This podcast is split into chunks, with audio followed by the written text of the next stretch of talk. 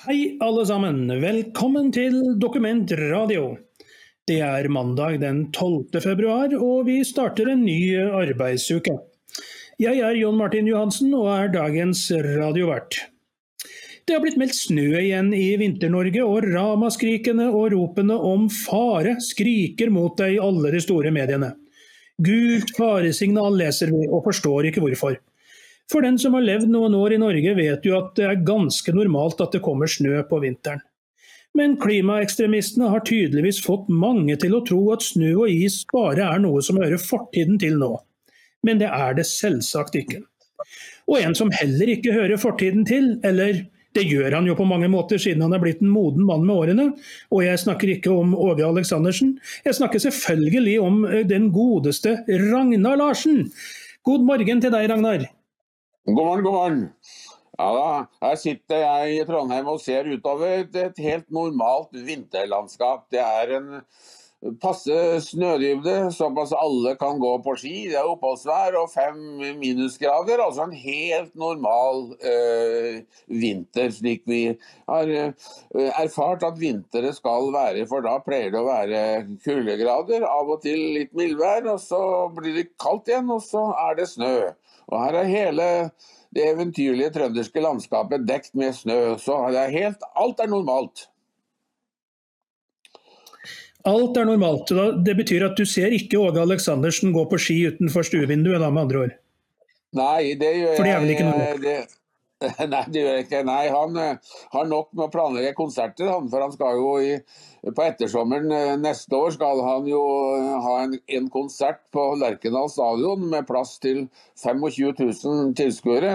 Konserten ble utsolgt på 0,2, og så ble det en ekstrakonsert dagen før, og den ble like raskt utsolgt. Og så ble det en tredje ekstrakonsert. Uh, og Den ble også utsolgt i løpet av kort tid. Så nå skal han altså samle 75 000 entusiaster på Lerkendal stadion. Og da kan man si for, for, ens, eh, for, for, en gangs skyld så vil det også bli godt spill på Lerkendal. ja, det kan du si. En av de mest folkekjære artistene i, i, Norge. Det er det ingen som helst slags uh, tvil om. Det som det derimot er litt tvil om, Ragnar, det er jo eh, norske meteorologer og ikke minst da de her store mediene. For nå er det sendt ut et gult farevarsel pga. at det skal komme snø på Sørlandet og store deler av Østlandet nå eh, mandag i dag. Og eh, Det er en statsmeteorolog som heter Terje Alsvik Volle han kan fortelle at det kan komme hele 10-20 cm med snø i løpet av bare en 24 timers periode. Og hør på dette. Han sier nemlig følgende. Da må man belage seg på glatte veier, snø på veiene og utfordrende kjøreforhold. Har du hørt på maken, Ragnar? Er det mulig? Blir det virkelig snø på veiene når det snør? Ja, det kan du si. Nei, det, disse, disse, farevarslene de, de, er blitt fullstendig overdrevne nå i, i vår tid. Og så må vi ikke glemme at når de overdriver værvarslene, og værvarselet ikke slår til, så mister vi etter hvert tilliten til, eh, til, til, værmeldingene. Og det er jo dumt og kan være skadelig og, og, og beklagelig. Fordi at det er den gamle historien som, om, som, om, om det han som varsla ulv, og så kom det ikke noe ulv. Og da ulven endelig kom, så var de så lei av å høre på disse ulvevarslene at de ikke brød seg om det i det hele tatt. Og det fikk jo fatale følger. 10-20 cm snø, hva er det for noe? I Trondheim ble det satt en rekord eh, i en, en februardag 1958. Da falt det 1,5 meter snø i løpet av ett døgn. Så hele byen ble fullstendig lammet. De kom jo ikke ut med breddredskapene engang, så byen, bygatene ble håndmokt. Men man sto den over, og, og, og, livet gikk eh, videre. Jeg kan ikke huske at det ble utsendt noen røde varsler på, på kringkastingen eh, den, den, gangen. Så dette er for overdrevet et farevarsel for om det kommer 10 cm snø i vinterlandet Norge. Det, det, dette blir jo mer og mer latterlig, og det er synd. Husker du Christian Tregde, den glade sørlending som eh, jo var fast inventar på NRK på 70-tallet, var det vel? 70, kanskje 80-tallet. Han kunne klistre på en sånn stor banan, han med metervis med snø og vinterstormer og det ene med andre over hele landet for den slags skyld, med et smil om munnen.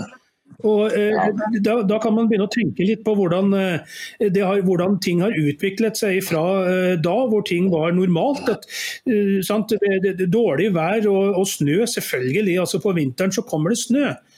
Det kan, man, det, kan, det vel ikke være så veldig mye tvil om for eh, de aller fleste. Men eh, det, er helt uvirkelig at nå det, skriker mot deg med røde og gule farevarsler. Nå kan det bli snøfokk og snøskred, sier de. Ja, det er jo, hvis det blir snø og det er vinter, så kan det bli det, ja. Det kan faktisk det. Så man må jo begynne å lure på denne, disse statsmeteorologene om de faktisk jobber i et seriøst institutt, som da eh, eh, Statens meteorologiske institutt skal være, eller om de jobber i en barnehage. Hva mener du, Ragnar?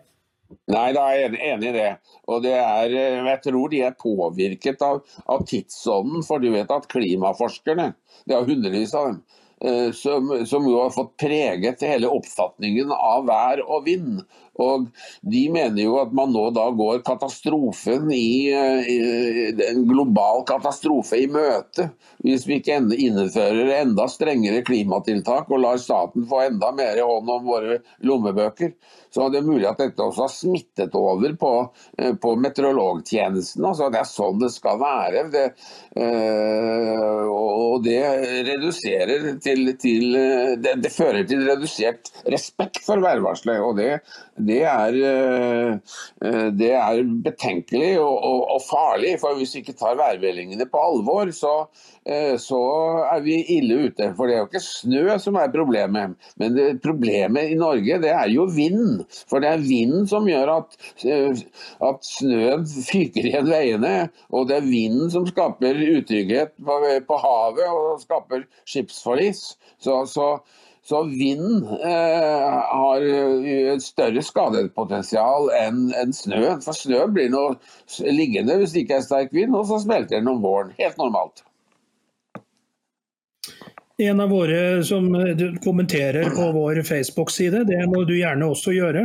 God morgen til eh, dere som kommenterer der. Vi har eh, folk med oss allerede fra Heimdal her og fra flere steder. Men en av de som har kommentert der lenger ned på den saken som omhandler det vi snakker om nå, han skriver noe som er, som er ganske interessant. Han skriver når det ikke er en klimakrise, så må man i det minste skape inntrykk av mye ekstremvær. Og Den er blitt veldig populær, og det skjønner jeg jo hvorfor. Fordi det er liksom det de driver med. De, de prøver å skape et inntrykk av at ting er så farlig og at det er så forferdelig. Men altså, jeg tenkte tidligere i dag, Ragnar, når jeg skrev den artikkelen, at eh, kan det være slik at det er pga. våre nye landsmenn som ikke vet hva snø er for noe engang? At de opplyser dette, men i så tilfelle så mener jeg at da burde man jo eh, eh, henvende seg til dem direkte. Man trenger jo ikke henvende seg til Ragnar Larsen på 80 år, som har levd eh, en god del vintre før, for å si det sånn. Du vet hva dette her er snakk om. Og, men det gjør kanskje ikke en som nettopp har kommet hit fra Somalia og er nordmann. Ikke sant? Så det kan jo være at det er noe der, da. Ja, derfor så burde man jo ha, ha en egen tjeneste for den, for den, kanskje slik man i NRK i gamle dager hadde spesialsendinger for for nordmenn i utlandet som ble sendt på kortbølgen den, den, gangen. Så kunne man kanskje ha noen særtjenester som ble sendt på urdu og swahili, eh, som da ble, eh, var spesialsydd til folk derfra, da, som forklarer hva snø er for noe, og hva vind og, og, og storm er for noe. Så, de, så slapp man å plage oss alle andre med, med disse overdrevne varslene. For eh, det gjentar jeg, når vi mister tilliten til om et varsel er riktig eller ikke, ulv, ulv, så, så, er de ille ute. For da tror vi ikke lenger på det, og, og tar ikke forholdsregler i tide når det virkelig er noe å grue seg for. Det er nemlig det. Det er en fare, det. Det er det ingen som helst tvil om. Og en annen fare det er jo at uh, man, man, fordummer jo eh, befolkningen rett og slett med dette her. og det, Som jeg skrev i den artikkelen, som dere gjerne må gå inn og lese på, på dokument, uh, så skriver jeg at uh, når meteorologer og media begynner å advare oss om at det kan bli snø på veiene når det snør, ja da ligner det hele mer på et landsmøte i MDG enn en værmelding. Ikke sant? Og Da er det, da er det snakk om at det, det, det er en fordummende prosess her. Eh, som pågår. og det, det, det, blir liksom, eh, som vi også skriver, da, at det neste blir vel at meteorologer og media sender ut gult farevarsel og advarer folk mot å gå ut uten å ta på lue og votter. For du kan jo bli kald på både ører og fingre. vet du. Ikke sant? Og dette er jo liksom som, det, det, kunne jo være interessant informasjon kan man si, hvis man kommer fra Eritrea. Og, og, og, ikke har opplevd sånt noe før og vet noe om det, ja da Men da er det som du sier, da burde man kanskje ha en egen tjeneste for, for disse. fordi eh, er, er, man nordmann og har bodd her og vokst, født her, vokst opp her, så vet man hva snø er. Og Da er det ingen grunn til å komme med noe gult farevarsel pga. det. Det, det. det blir for dumt. Er du ikke enig i det, Reinar? Jo da, jo da, absolutt. Det blir rett og slett for, for, dumt. Og at det blir for dumt, det er liksom dette ordet eh, som, som, passer på, på, på, dette. Det er disse overdrivelsene. Ja. Så farevarsel bør man reservere til situasjoner hvor det er fare på ferde, og ikke bare når det kommer 10 cm snø. Ja, det er helt sant, for det har ikke mye med fare å gjøre. Men en annen ting som, eh, som er eh, ganske så interessant, det er jo det at eh, vi har vært igjennom en fastelavnssøndag. Hadde du noen fastelavnsboller da, Ragnar? Hadde du det? Nå hadde ikke fastelavnsboller her i huset. Vi er, vi er, ikke noen sånn bakefamilie her. Eh, det, det, er ikke kaker, det spiser vi lite av. Og selv går jeg på lavkarbo for å holde vekten under kontroll, så jeg spiser ikke mye brød heller. Unngår poteter og pasta og ris også. Og resultatet er blitt meget oppløftende. Så her var det ikke noen fastelavnsboller. Men vi hadde eh, en av min kones spesialiteter, ertesuppe kokt på svineskank. Og det med løk oppi. Og det ble en strålende middag fordi eh, eh det er en opptakt til, til, fasten. Du vet at fastelavn har med faste å gjøre, og det er jo en katolsk, eh, religiøst begrunnet eh, eh, tradisjon som jo holdes ved like i, i, katolske land, for da skal man ikke spise kjøtt. Og Det er jo grunnlaget for eh, at det går så godt med norsk sjømatnæring. Det er jo at katolikkene må spise fisk på denne tida av året fremover mot påske. Og eh, Slik får man avsetning for, for klippfisken og for, for, tørrfisken til katolske land. Og I Norge så har vi jo, eh, har vi jo ordningen med, i hvert fall i det nordfjelske Norge, Eh, fortsatt eh, det vi kaller feitetirsdag.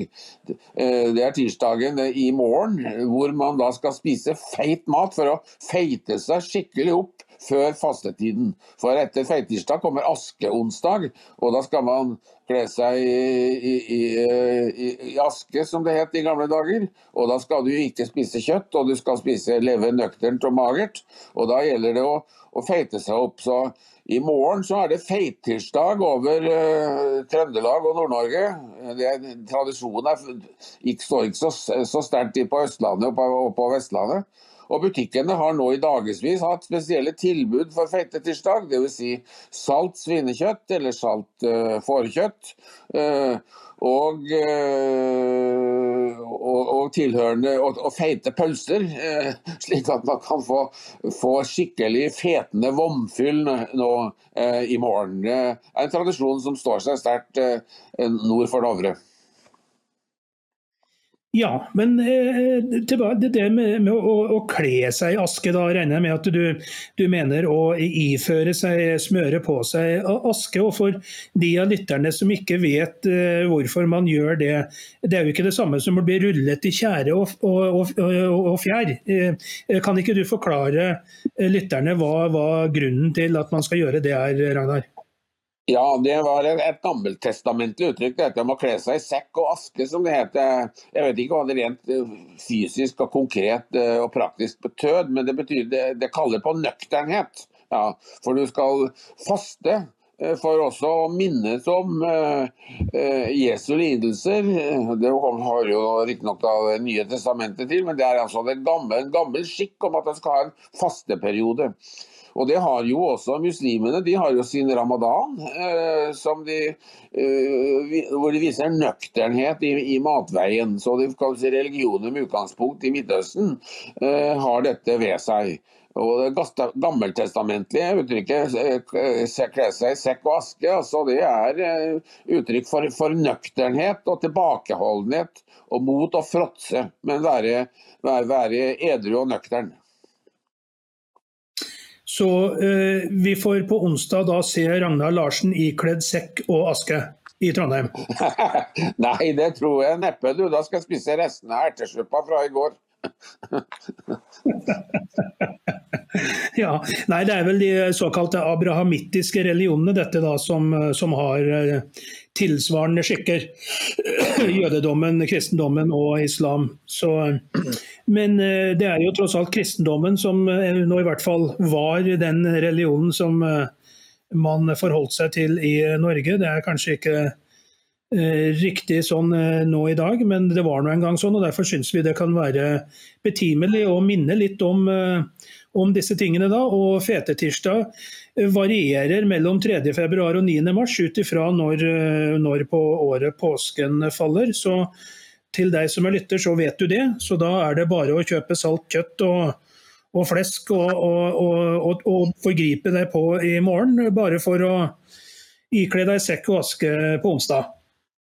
Ja, det, det, det, er det. Det, er det, men, men, det du nevner av mat, det, det, er jo gangbart også året rundt. Her i huset så spiser vi eh, salt eh, fårkjøtt. Eh, og kålrotstappe, det hører med, da.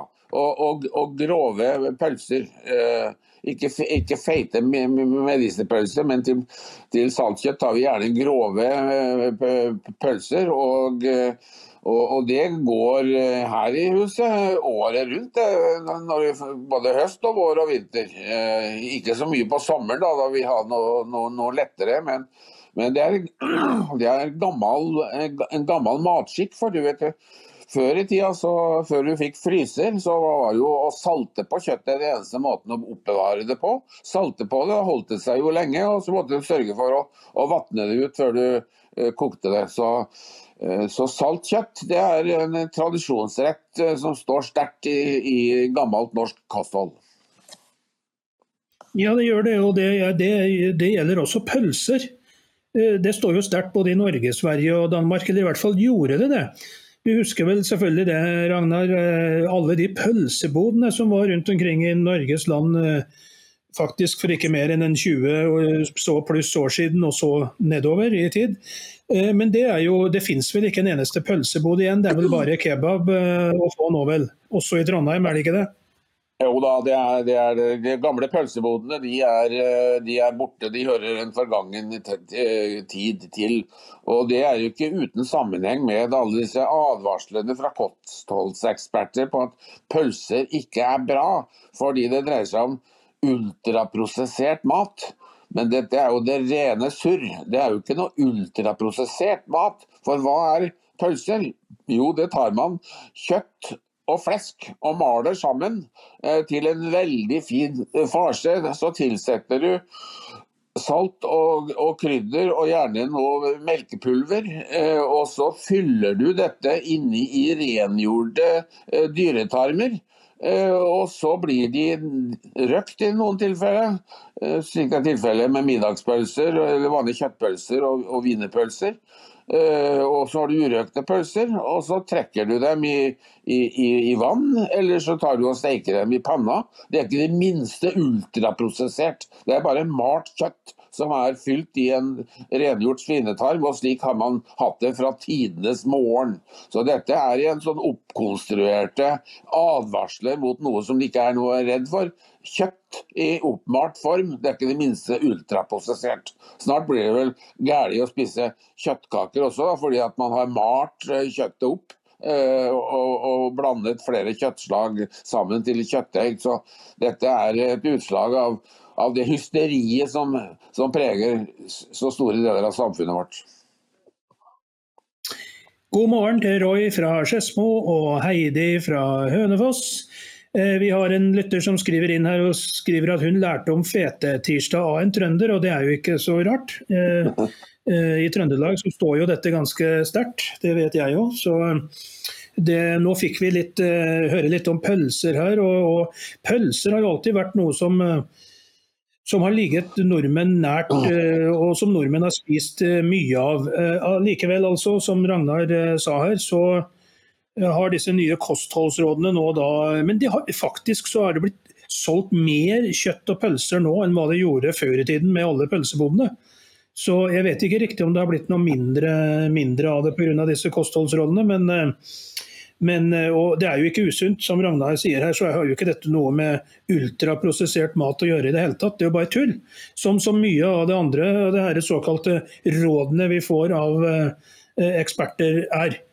Eh. Det er jo, Hvis vi skal holde oss litt på det, den linjen der, Ragnar, så, eh, så, kan man jo si det sånn at eh, hvis vi skulle ha fulgt alle de rådene som vi får, så ett år så er det å spise gulrøtter farlig, for det kan man få kreft av. Og det neste året så er det farlig å ikke spise gulrøtter, for da kan man få kreft. Hva skal vi tro på for noe til slutt? Ja, det kan du si. Det kan du si. Og så er det så mange eksperter vet du, som jo blander seg inn i hva folk skal, eh, skal, skal spise. Og EU eh, jo, de har jo løsningen på alt. For noen år siden så prøvde de jo å, å forby den østerrikske spesialiteten eplekake med kanel. Apfelstrudel heter det i, i Østerrike. Du, for, det var, for da fant de ut at kanel var skadelig. Men de måtte jo gi seg på det, da, for selvfølgelig det ville ha blitt opprør i Østerrike hvis de ikke skulle få sin en Apfelstrudel. Uh, og jeg tenker jo også på her i huset, hvor vi fra tid til annen har, har risengrynsgrøt. Uh, hvis vi ikke skulle ha kanel på risengrynsgrøten, ja, da blir det blitt månelyst uh, her. Eller prøv å ta pølsene fra tyskerne. Pølser og øl i Bayern. Ja, det hører jo, det, det hører jo sammen. ja. Og, og, og, og, tyskerne kan jo dette med pølser, altså. Det eh, skal være sikkert. Eh, og vi står jo 18 eh, varianter eh, av det også. Jeg må si blant mine beste ungdomsminner i matveien, Jo Martin, det var da jeg gikk på gymnas og hadde, sommer, hadde sommerjobb på det som den gang het Bøndenes salgslag, numere Gilde. Hvor de lagde, hvor jeg var diskenspringer i den gang Trondheims største matvareforretning i Mongagata 40. Og hvor eh, de på, på pølsemakeriet de begynte klokka sju om morgenen å lage pølser, og klokka ni så tok de fem minutters eh, pause. Og da trakk de på ei kokeplate med pølsespann oppå varmt vann. Dagens produkt, et par-tre knakkpølser. Og nylagte knakkpølser da, som var et kvarter gamle før de kom ut av, av pølsemaskinen, det var en opplevelse som sitter i enda 60 år etterpå. Nå ble jeg sulten nå. Nå ble jeg sulten nå. Ja. ja. Nei, det, det, det, er en matprat. Vi kan fortsette litt til faktisk med det, og vi kan gå inn på kaker. For det at, nå skal dere høre noe her. Det har faktisk skjedd. Det har vært et program på NRK som ikke var så dårlig. Og det handlet om kaker, dette Ragnar må du fortelle folk om. Ja, jeg hadde en, en veldig trivelig lørdagskveldsopplevelse med, med NRK1 fjernsyn. De hadde to programmer som gikk rett i hjertet på meg.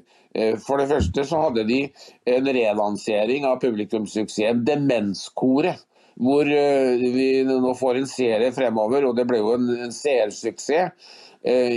Eh, ikke bare fordi at det var vakker sang, men fordi at det var folk som var eh, mer og mindre demente, som allikevel hadde evnen til å synge i lag når de hadde en drivende eh, dyktig eh, dirigent. Og Dette går rett i hjertet på meg og, og, sikkert veldig mange andre også. Å se at de som er litt oppe i årene, også kan bidra med noe. Eh, synge med hver sin stemme.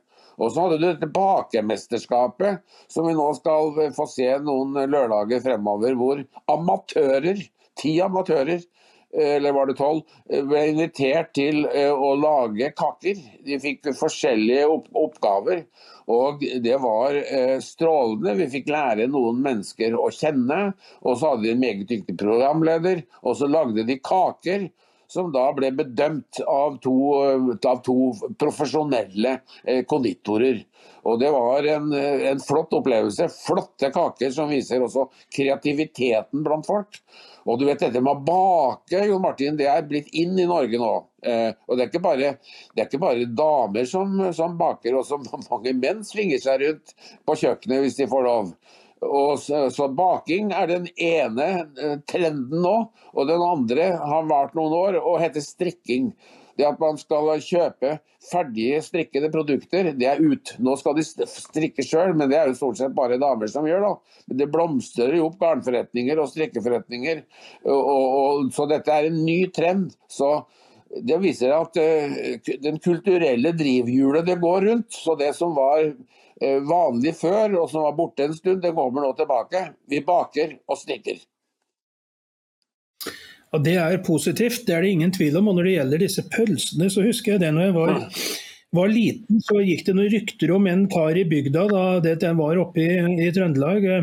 Der gikk det noen rykter om en kar som etter sigende skulle ha den pølsa. Og Jeg husker jeg lurte jo forferdelig på hva det var slags pølse denne karen uh, hadde, som skulle være så spesiell. Jeg, fikk, jeg, skjønte jo ikke hva det var eh, det hele dreide seg om før eh, mange år etterpå, når jeg da ble stor nok til å forstå at eh, det var ikke noe spiselig pølse det var snakk om. Men en digresjon der.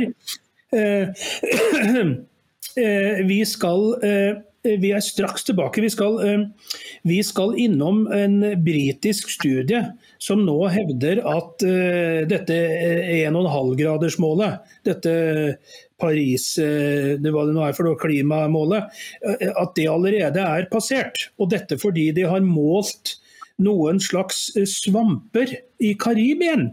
Så mener de da at de har grunnlag for å si dette her. Tro det eller ikke, men vi skal snakke om det rett etter dette.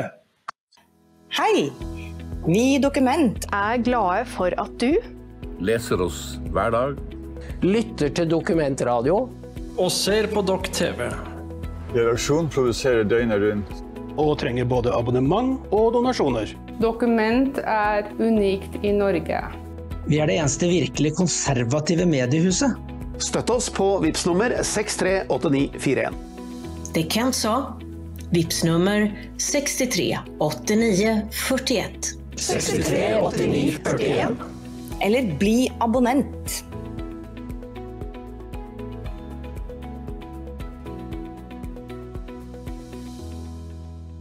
Er du lokallagsmedlem? mm, ikke det? Nei, da har du muligheten å melde deg inn. Velkommen til oss. Ja, velkommen til oss også. For her sitter John Martin Johansen og Ragnar Larsen, og vi skal innom noe som er ganske utrolig. Vi har jo snakket tidligere om eh, dette, vi to, Ragnar, om eh, eh dette med det, dette tullet som hvor mye som forskere egentlig bruker eller kaster bort tiden sin på. Men her kommer det en ny høydare, for å si det på nynorsk. Her er det altså noen britiske eh, forskere som har tatt noen prøver fra noen sjøsvamper i Karibien. Og På det grunnlaget så mener de altså å si at nei, den globale oppvarmingen den har allerede passert 1,5 grad. den. Eh, har grensen eh, virkelig blitt nådd for eh, dumskap, Ragnar, eller finnes det nye høyder, tror du?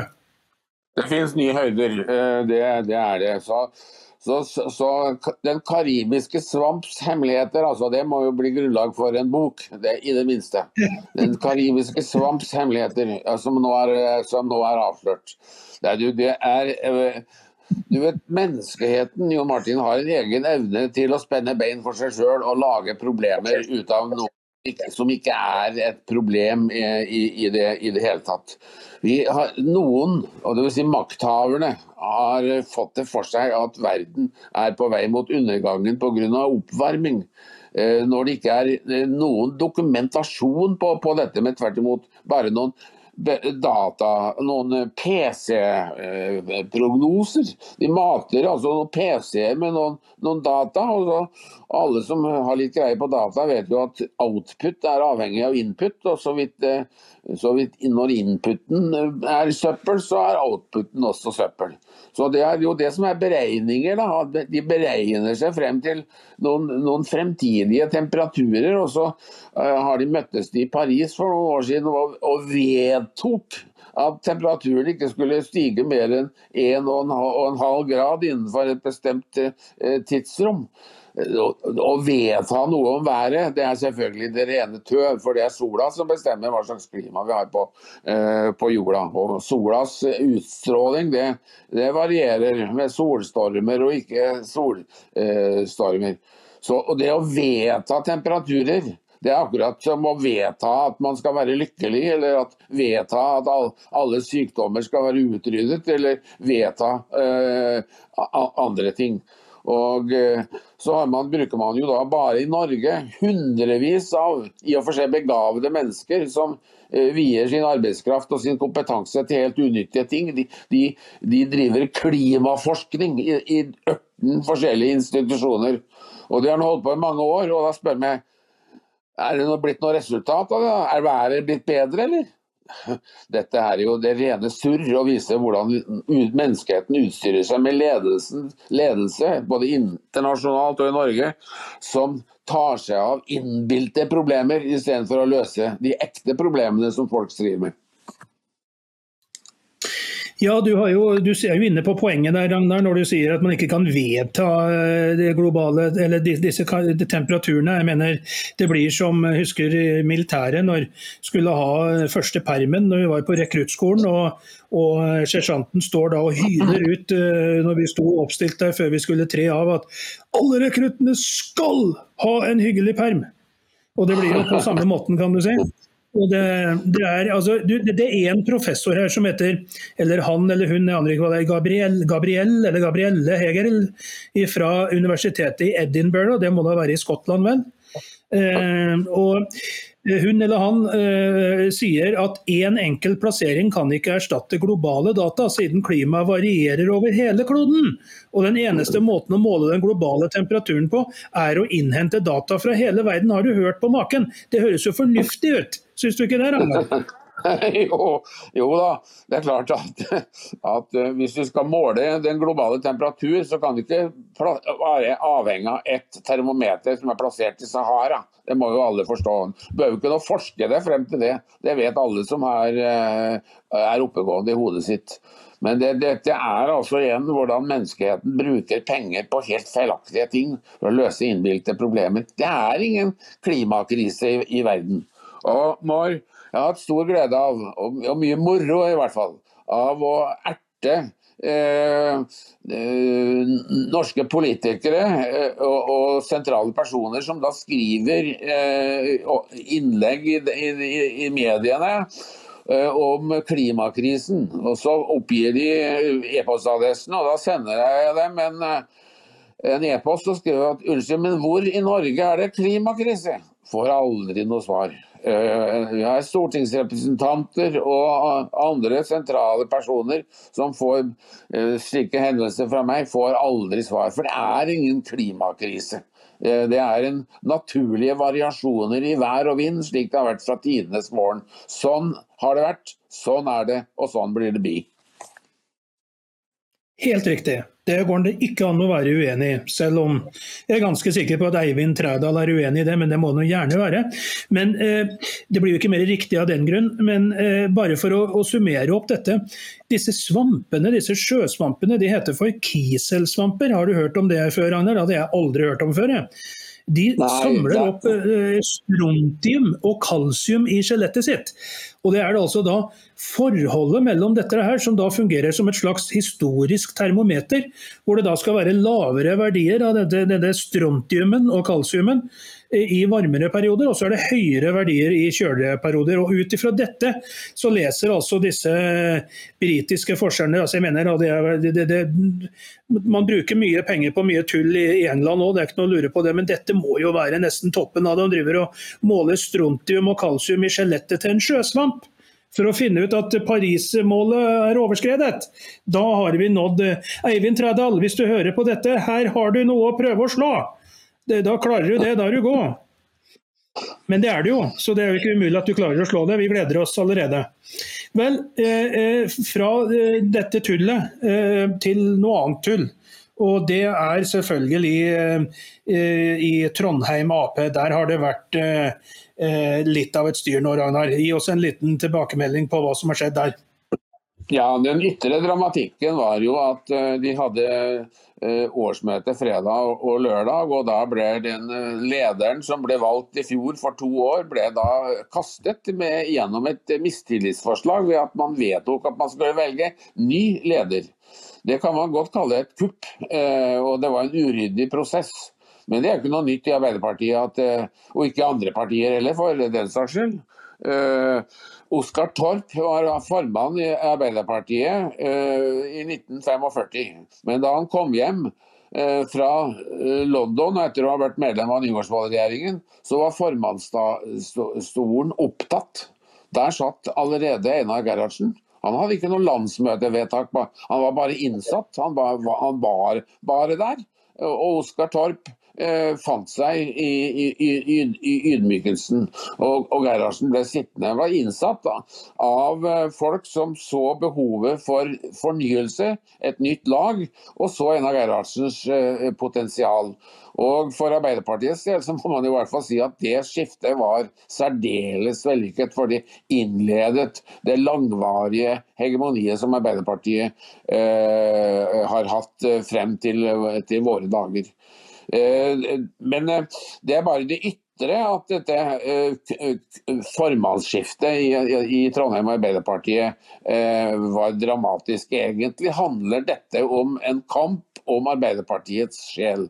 For bak det hele står Trond Giske, som kanskje er det største politiske talentet Arbeiderpartiet har hatt siden en av Førdes eh, dager. Eh, og som eh, ser at partiet går til grunne hvis det ikke slår inn på en ny kurs. Når de er nede i 17-18% så burde jo alarmklokkene gå på Youngstorget, men det gjør de ikke. De er derimot redd for at Giske nå skal bygge seg opp som en utfordrer til makta på Youngstorget. Ved at han har allerede bygd opp et partilag eh, som har nesten 5000 medlemmer. Det såkalte Nidaros sosialdemokratiske forum.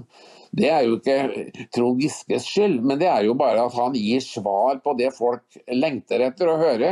En sosialdemokratisk politikk etter god gammeldags oppskrift, og ikke etter alle disse påfunnene som partielitene i Oslo uh, kommer opp med. Så dette er ikke en kamp om posisjoner, det er en kamp om Arbeiderpartiets sjel. Det er det. Og eh, personlig så har jeg ikke noe spesielt uh, til overs for herr Giske. Jeg har eh, møtt han ved flere anledninger på Stortinget, og jeg var jo i Frp en liten periode, for den som ikke vet det. Og uh, han var ikke noe spesielt hyggelig overfor oss i Frp, og heller ikke overfor han som var i RV den gangen der, det var uh, Erling Folkvord.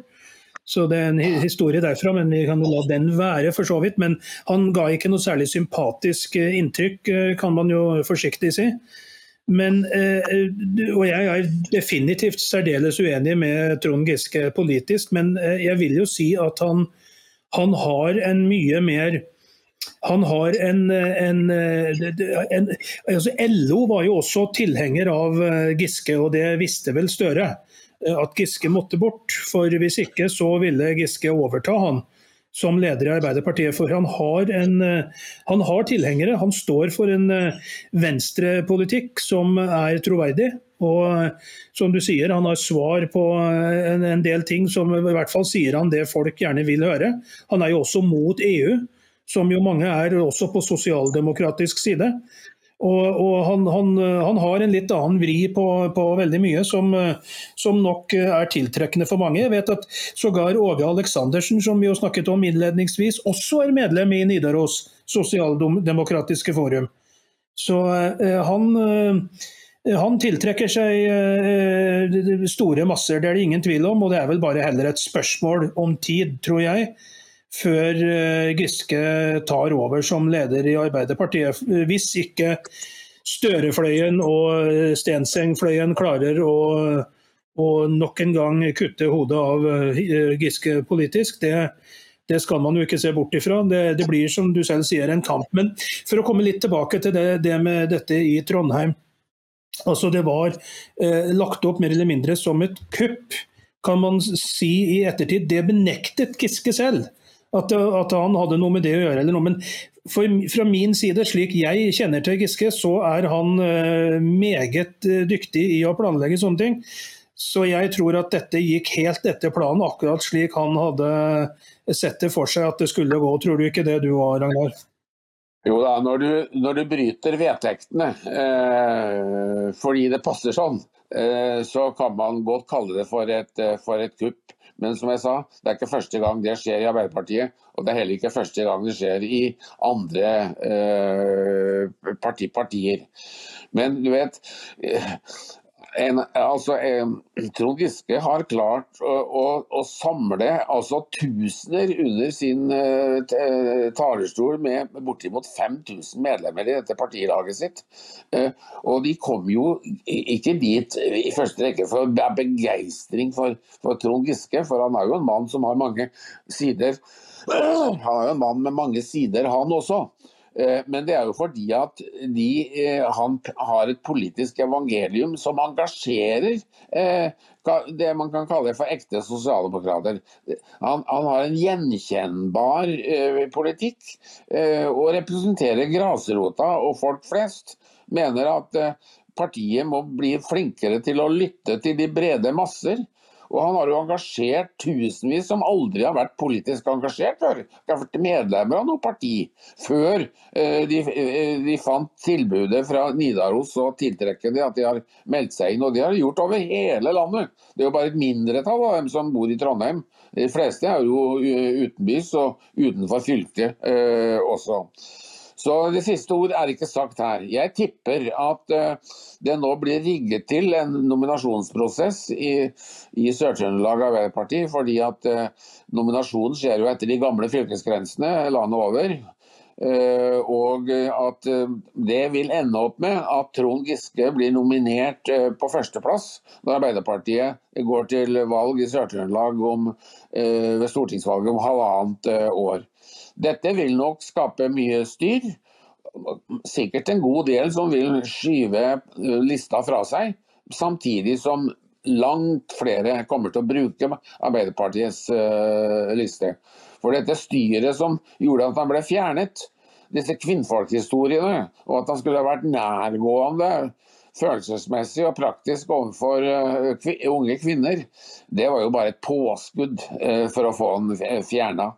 Fordi det var alibiet for å støte ham ut i det politiske mørket. Slik at, eh, at eh, Tajik eh, og, og Jonas Gahr Støre kunne beholde, beholde kontroll, kontrollen. Men nå, så falt jo også Tajik i unåde, da. så nå er det jo nye koster som er kommet inn.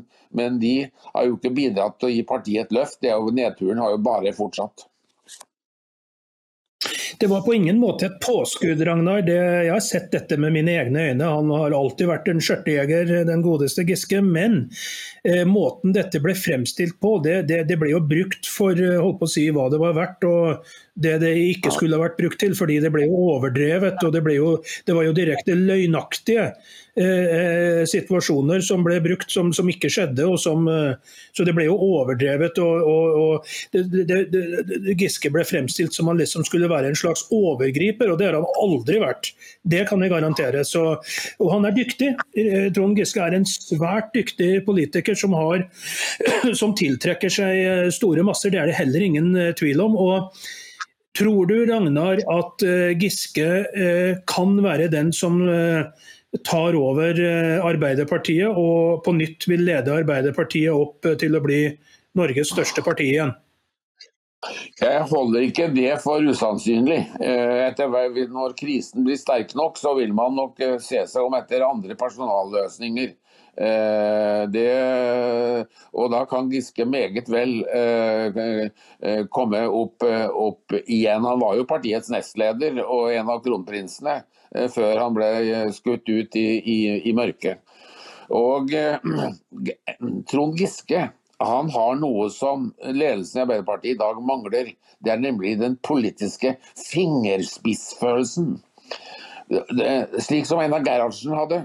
Som, som, som visste, hva som, som, følte, hva som rørte seg blant, uh, blant folk. Det ble sagt om, om Ena Gerhardsen og, og partisekretær Håkon Lie at de behøvde ikke noen meningsmålinger. De kunne bare åpne vinduet ut mot Youngstorget, og da følte de folke, folkestemningen med, med en eneste gang. En annen som hadde fingerspissfølelse, var en Gerhardsens etterfølger som statsminister, Per Borten. Som også hadde en utrolig fingerspissfølelse, som følte og fornemmet hva som rørte seg blant folk. Og en som også var en mester i dette, var jo Carl I. Hagen.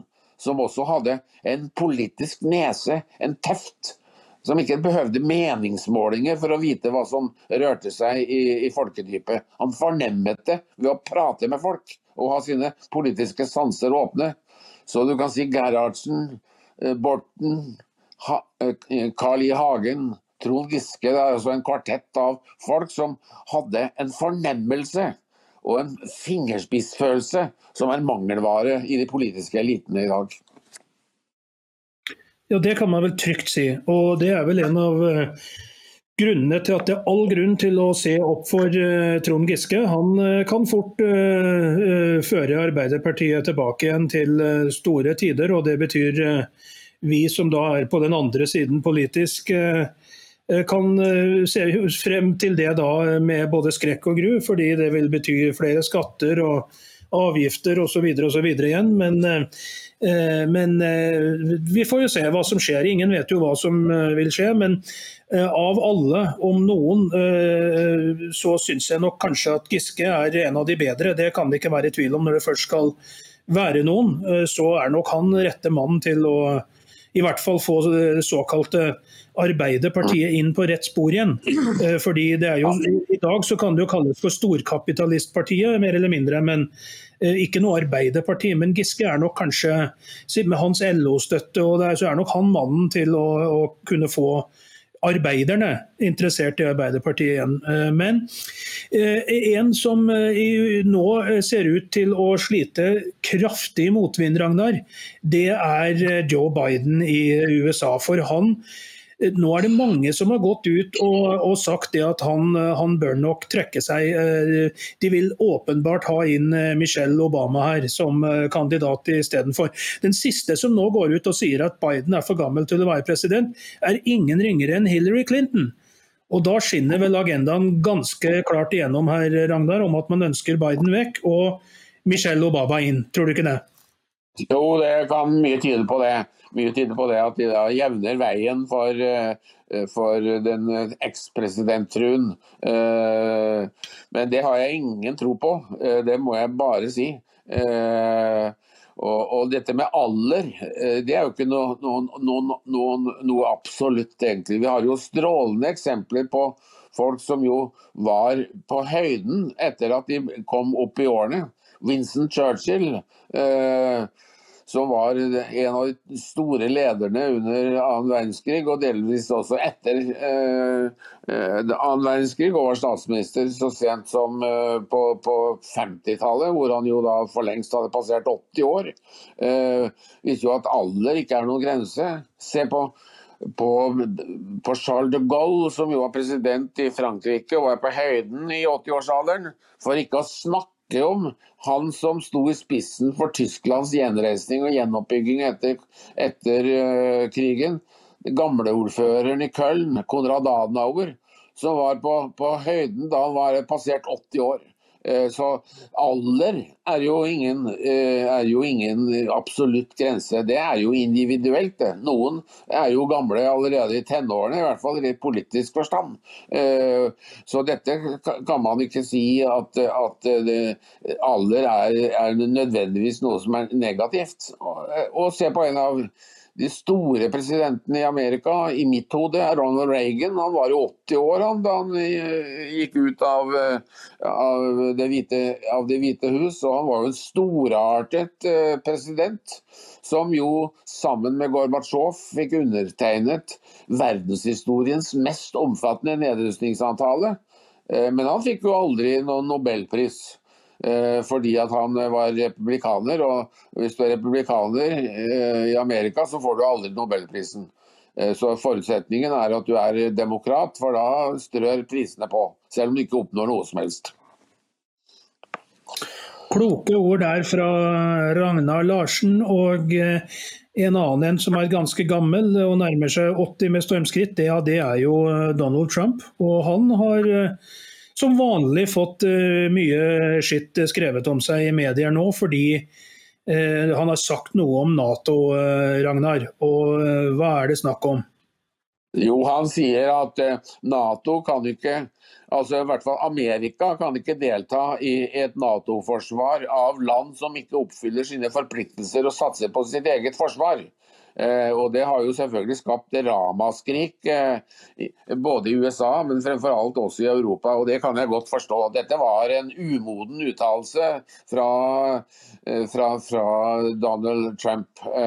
Men kjernen i kritikken hans er jo riktig.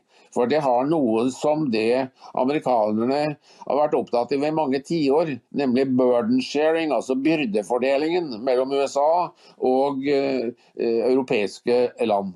Da jeg for 40 år siden for første gang var i Amerika, så var jeg på en rundreise i statene i halvannen måned for å studere amerikansk forsvars- og sikkerhetspolitikk. Besøke alle relevante institusjoner, tenketanker, bedrifter eh, og ikke minst 18 universiteter. Og hva var det som gikk igjen eh, i samtaler med en nordmann? Jo, det var burden sharing. De mener at amerikanerne bærer for mye av byrdene i Nato. Og de, ble jo minnet på at nå er jo Norge en, en oljenasjon. Hvorfor bruker de ikke mer av oljepengene deres til å styrke landets eget forsvar?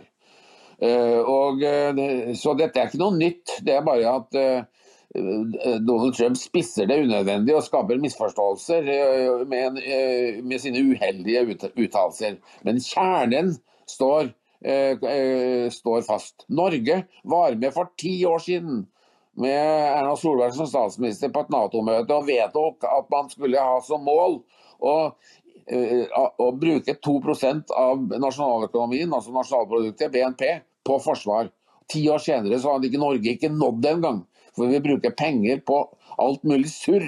Men sikkerhet for landet eh, det er uh, mindre, av mindre betydning. Og når vi neglisjerer vårt eget forsvar og er avhengig av amerikanerne som nå får opprette baser i, i, Norge fordi at Norge ikke klarer å, forsyne, å forsvare seg sjøl, særlig mer enn en dag eller to.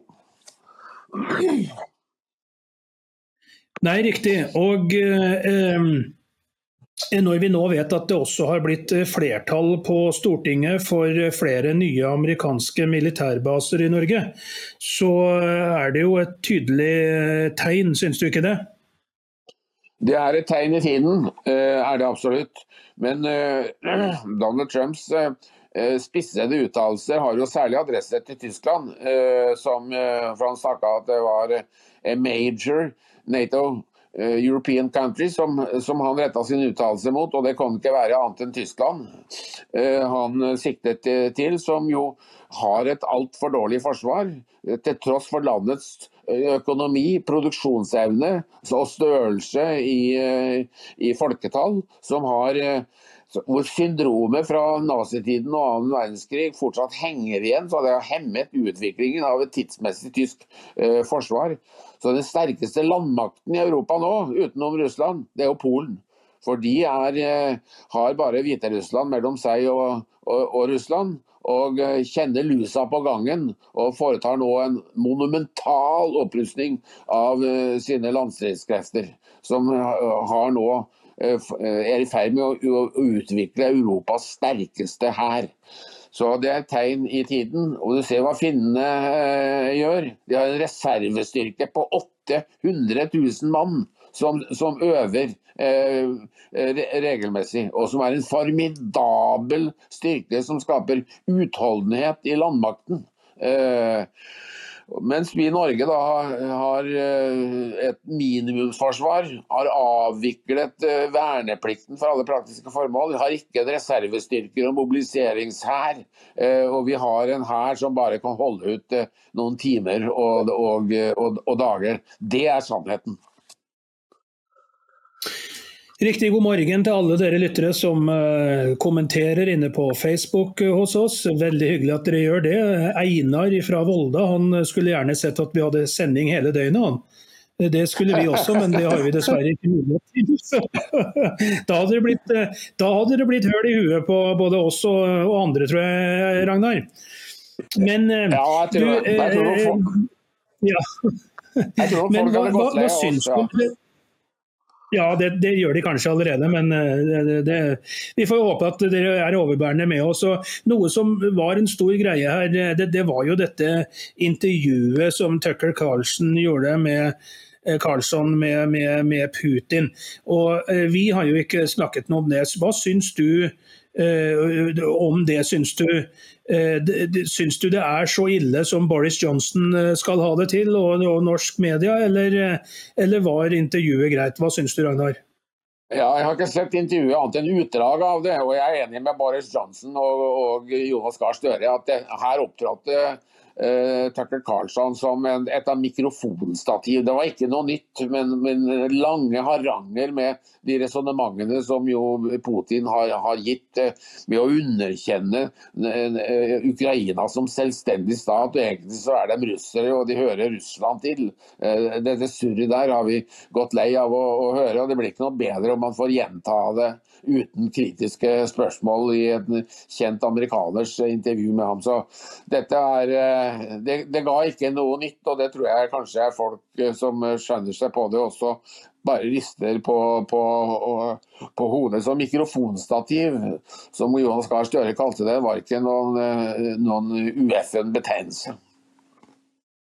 Akkurat. Hva eh, tror du skal til for at det skal bli fred eh, mellom Russland og Ukraina? Det, må, det, eh, må Trump bli president igjen, eller hva tror du, Ragnar? Nei, nei den, den, den, Skal vi få noen avslutning på den krigen, så må en av partene vinne. Eller at begge parter innser at de klarer ikke å vinne. Og da vil man inngå en fredsslutning på en eller annen måte. Og da kan det kanskje være sånn at fredsslutningen blir at de eh, landområdene øst og sør i Ukraina som, som russerne har erobret, de blir, forblir eh, russiske. Det kan bli løsningen eh, på det. Men nå er jo ikke krigen over. Om noen dager så har den vart i to år. Og eh, nå strømmer det jo på med nye våpen fra, fra Vesten. Det er bare et spørsmål om tid før de får eh, F-16-flyene operative. Det er fly som russerne ikke kan matche, fordi russerne har ikke luftherredømme. Det er derfor de sender droner og ikke eh, bemannede fly innover Ukraina. Så dette er vanskelig å forutsi hva som blir resultatet, men eh, selvfølgelig kan presidentvalget i USA eh, spille inn når det gjelder viljen til amerikansk hjelp. Men amerikanere er jo ikke de eneste som eh, hjelper.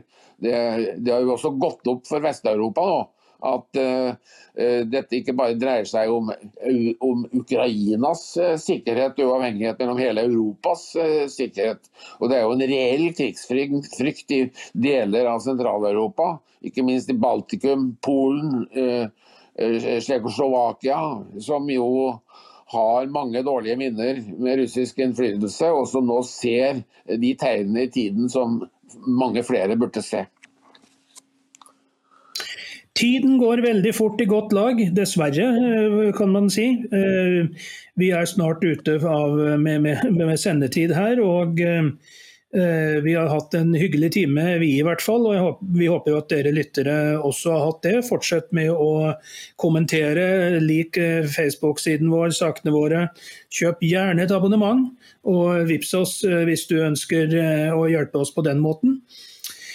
Som vanlig eh, på en mandag og en fredag, når det er eh, undertegnede og Ragnar Larsen som er på, så har eh, Ragnar alltid noen velvalgte ord å gi deg eller dere lytterne. Nå er det mandag, det er ny uke. Dere skal ta fatt på arbeidsdagen nå. Mange av dere har allerede tatt fatt på den, regner jeg med. Vi høres jo mange steder, vet jeg, i alt fra lastebiler til rundt omkring på mange arbeidsplasser. Veldig, veldig hyggelig. Vi setter stor pris på det. Og nå skal dere få noen ord med på veien, både for i dag og resten av uken, fra den godeste evigunge trønder Ragnar Larsen. Takk for at dere hører på Dokument radio, og forhåpentligvis også leser artiklene på dokument.no. Vi er en uavhengig eh, radiokanal eh, som ikke er avhengig av noen andre enn vårt eget formål, nemlig å være en alternativ stemme. Vi er de stemmeløses venn, de som trenger en motstemme og en motkraft mot ensrettede eh, eliter og en stort sett ensrettet eh, dagspresse og medieverden for øvrig. Så vi er en alternativ stemme. Takk for at du hører på oss og leser oss. Jeg er John Martin Johansen og var radioverten i dag. Med meg hadde jeg Ragnar Larsen i Trondheim, og vår lydtekniker var Lars Bråten. Ha en fin mandag og en flott uke alle sammen, og så høres vi på radio i morgen. Hei, hei.